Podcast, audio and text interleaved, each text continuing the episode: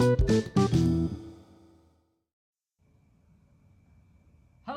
semua, kembali lagi. Udah lama banget ya Pak Dodi ya. Iya. Di hari dua dosen akhirnya kembali lagi setelah eh, Satu minggu lebih vakum kita. Wah iya bener. Aslinya ya nggak terlalu vakum juga, baru satu minggu.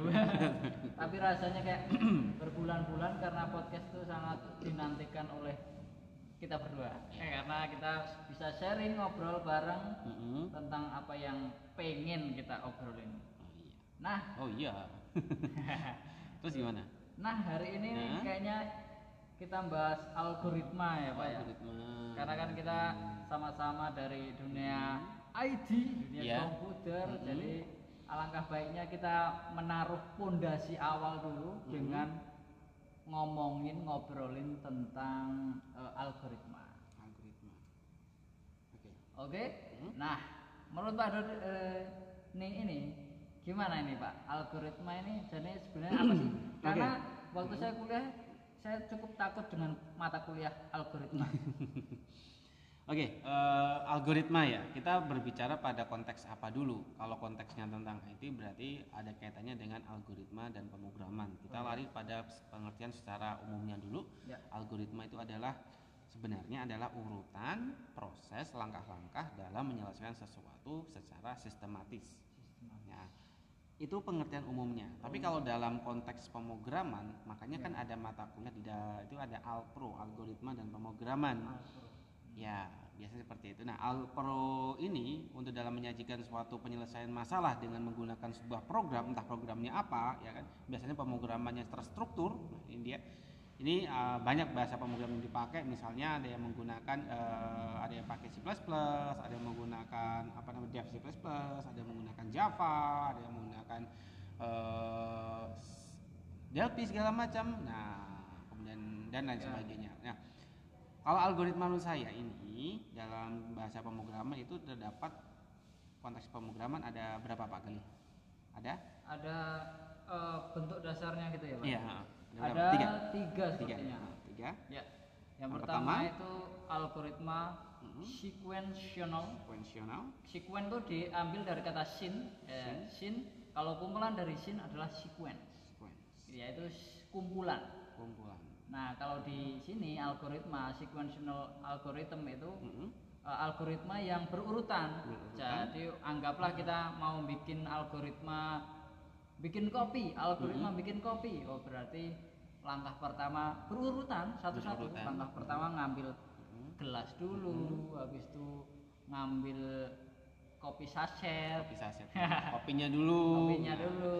Kopinya ada dua macam, percabangkan ya kan. Nah, kopi apa dulu, saset atau kopi bubuk. Nah, tapi kita berbicara dengan urutan. Kopi Urutan. dulu, terus apa tuh? Tuang air panas. Tuang air panas, kemudian tambah gula dikit. tambah gula, kemudian diaduk, ya kan. Tambah air panasnya udah belum tadi? Udah. air Nah, panas sudah habis itu tinggal diaduk Terus? itu tinggal seduh Seduh. Nah, kalau udah diseduh selesai jadi programnya itu berurutan habis ini ini ini ini habis itu kalau sudah selesai program berhenti. Nah outputnya yaitu Kopi. kopi sebenarnya kopi Kopi siap diminum kan Siap itu kan. diminum. nah itu sering juga eh, digunakan bisa digunakan kayak ini nyuci mobil Nyuci mobil. Nyuci mobil juga bisa. Jadi pokoknya yang berurutan, nggak aneh-aneh, berurutan aja itu namanya algoritma Algoritma. eh, runtutan, sequential. Sequential. Lalu yang kedua nih pak, Apa itu? Algoritma apa? algoritma eh, perulangan, Perulangan. perulangan, Looping ya? looping ya. Looping. For, nah, kalau di kalau di mana? C++ sudah ada for, Ada for, ada while do. while do, nah. Kemudian kalau di Pascal ada repeat until. Nah, semacam itu. Gimana Pak penjelasannya kalau looping? Looping perulangan Ya. itu semisalnya adalah mengerjakan suatu proses yang berulang sampai pada batas tertentu nilai tertentu. Nah, perulangan ditentukan. yang ditentukan itu yang pertama jenis perulangan. Yang kedua sampai batas batas yang tidak tertentu yaitu terjadinya looping yang tidak henti. Ya Hmm. Ya, ya. diulang-ulang-ulang terus. Nah, makanya kalau apa eh, sebenarnya perulangan ini dalam bahasa matematikanya itu adalah kita dipelajari di SMA itu adalah mata pelajaran limit. Limit. Mm-mm. Oh iya iya. Limit. Ingat kan? Saya gak ingat pak. Ya. Sebenarnya eh, kaitannya dengan kita berbicara sedang induknya mata eh, mata kuliah dulu ya sejarahnya Ah. bukan dulu. Sebenarnya eh, IT ini sebenarnya induknya adalah di MIPA. Di MIPA ya. Iya. Matematika dan ilmu pengetahuan alam. Gitu. Nah, matematikanya di sini adalah matematika pemrograman. Di situ ada yang menggunakan Pascal, ada yang menggunakan eh, C++, tergantung sepertinya apa. Penggunaan implementasinya seperti apa. Induknya ini adalah matematika sebenarnya. Karena semua itu ada logika, gerbang logika, keputusan itu semua ada di matematikanya. Kemudian diimplementasikan dalam sebuah bahasa pemrograman untuk menyelesaikan suatu permasalahan. Iya. Karena pada akhirnya tuh eh, komputer itu satu dan nol.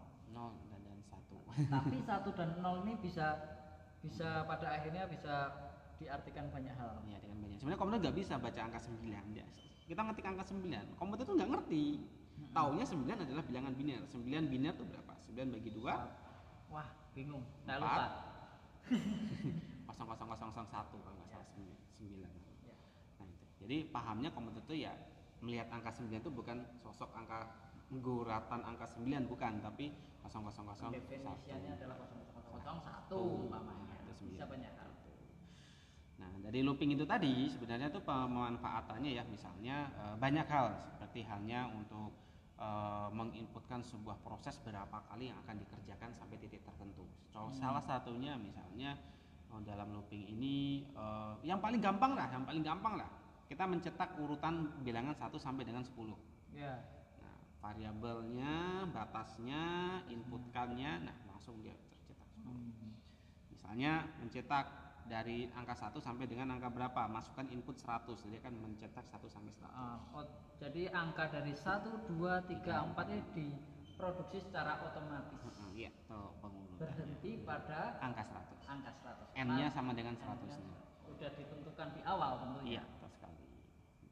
Kemudian yang ketiga apa? Yang ketiga itu ada eh, percabangan. Percabangan. Percabangan. Jadi eh, ini ya kayak if else gitu ya. If else, kemudian ada kondisinya lain, then-nya. Dan-nya apa?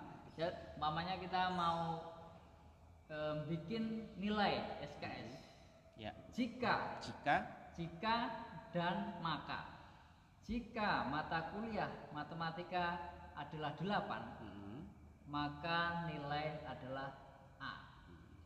Oke, itu menggunakan if. Else if Ya. jika yang lainnya eh, mata kuliah eh, selain itu mata kuliah apa tadi? Matematika 5 berarti nilai then nilainya adalah D. D. Jadi eh, dalam apa namanya ya segala sesuatu di setiap hari sebenarnya kita sudah menghadapi tentang percabangan sebetulnya. Percabangan, ya. Setiap hari, setiap kita baru bangun pagi kita sudah dihadapi dengan percabangan sebetulnya. Tapi percabangannya itu tidak terkira, Terkira, terhingga, ya. banyak banget. terhingga, tidak terhingga, luar biasa terhingga. sekali banyaknya, ya kan? Bahkan setiap satu menit kita langsung otak kita berhadapan dengan percabangan tanpa kita sadari. Nah, sadari. Sebenarnya Kita itu. bisa memilih minum kopi, Hmm, kan ada otak besar, otak kecil. Nah, otak kecil ini yang menentukan kondisinya ini kan seperti apa. Mau diambil apa enggak, mau maju atau mundur, maju mundur. mau jalan pelan atau jalan cepat, segala macam. Semua perhitungan diproses terus. Nah, itulah otak tidak pernah berhenti dalam bekerja. Kalau sampai dia berhenti berarti dia mati. Mati. Jadi eh, namanya percabangan ya ini sangat sering sekali dipakai ya. Misal ya ada program kasir katakanlah gitu ya. Ya, program kasir saat dia belanja sampai 500.000 ribu dia dapat potongan diskon katakanlah dengan eh, 10% eh sorry 3% 3% dengan menggunakan kartu member. Jika tidak menggunakan kartu member maka tidak dapatkan potongan. Seperti itu. Dan ada apa namanya makanya di sangat sekali bermanfaat percabangan ini diimplementasikan pada aplikasi yaitu aplikasi kasir sebenarnya pak ya. Ya. seperti itu juga. Dengan nilai. Nah dalam bahasa pemrograman ini itu ada standarnya namanya standar ANSI ASCII juga ASI. ANS, an, uh, ASCII ASCII itu bahwa bahasa pemrograman di mana-mana itu harus bisa mendukung perulangan percabangan dan perurutan Ya. Nah, kalau tidak bisa mendukung salah satu itu tidak lolos dalam Tidak salah lolos satu bahasa pemrograman. itu standar standar yang benar-benar minimal yang harus ada dalam bahasa pemrograman itu. Di mana-mana pasti ada. Entah itu bahasa pemrograman apa jenisnya aneh lah nama yang belum kita dengar, pasti ada namanya bisa digunakan percabangan. Dan bahasanya pun tidak jauh. If, then, else. Do, Do, while For- do gitu kalau yang yang apa namanya eh, ada yang lainnya juga ada switch case Yes. Hmm, Ya. semua pasti ada Yep. oke banyak ya algoritma itu menarik karena jika kita kayak kita belajar komputer tuh sebenarnya kan Hmm. pada akhirnya kan me- mencari solusi dari sebuah masalah. Hmm. Nah, jika kita melihat dari kehidupan kita dari kacamata Mm-mm. pemrograman, kacamata algoritma, Hmm. kita itu kita akan selalu fokus pada penyelesaian masalah. Penyelesaian suatu Tidak masalah. hanya meratapi masalah. Jadi pokoknya langsung aja cari solusi. cari solusinya solusi. gimana toh Maka dari itu kan Eh, sering ah, banget ah, ah. Pak Pak Bill Gates kan Bill Gates, ini hmm. orang-orang itu harus di yang anak-anak muda itu udah langsung diajarkan eh, pemrograman, diajarkan algoritma, bagaimana penyelesaian masalah. Bahkan kemarin kan ada Pak Nadiem Makarim kan ngobrolin tentang computational thinking, di Mhm. mana eh, bagaimana kita seni untuk menyelesaikan masalah eh, meniru cara kerja dari komputer. Ya, karena hidup ini eh, kita dihadapkan suatu dengan permasalahan dan kita diharuskan diwajibkan untuk mencari sebuah solusi Solusi. ya, dan menghadapi bukan malah untuk menghindari. Jangan dihindari dong. Nah, seperti itu. Sebenarnya diri kita juga komputer sebenarnya ya. Karena kan komputer tuh sebenarnya kan replika. Replika, Tujuan replika meniru, menggantikan. Ya membantu maksudnya. Oh. Bukan menggantikan. Serem banget. Ya ibaratnya gimana ya? Dapat memberikan manfaat. Manfaat. Nah, gitu Ada- kan. Seolah-olah, nah ada kata atas boleh ka- pakai kata menggantikan boleh, tapi jangan lupa ada kata seolah-olah menggantikan. Jadi pengennya sih kerjaan-kerjaan kasar itu dikerjakan oleh komputer, Komputer. dan kita eh, manusia mengerjakan sisi-sisi kreatif yang sampai saat ini tidak bisa dilakukan oleh komputer. Komputer. Oke, rasa cukup ya. Yap, Oke, di hari dua dosen edisi hari ini tanggal 10 Maret 10 Maret 2020 episode 6 episode ya. 6 ya.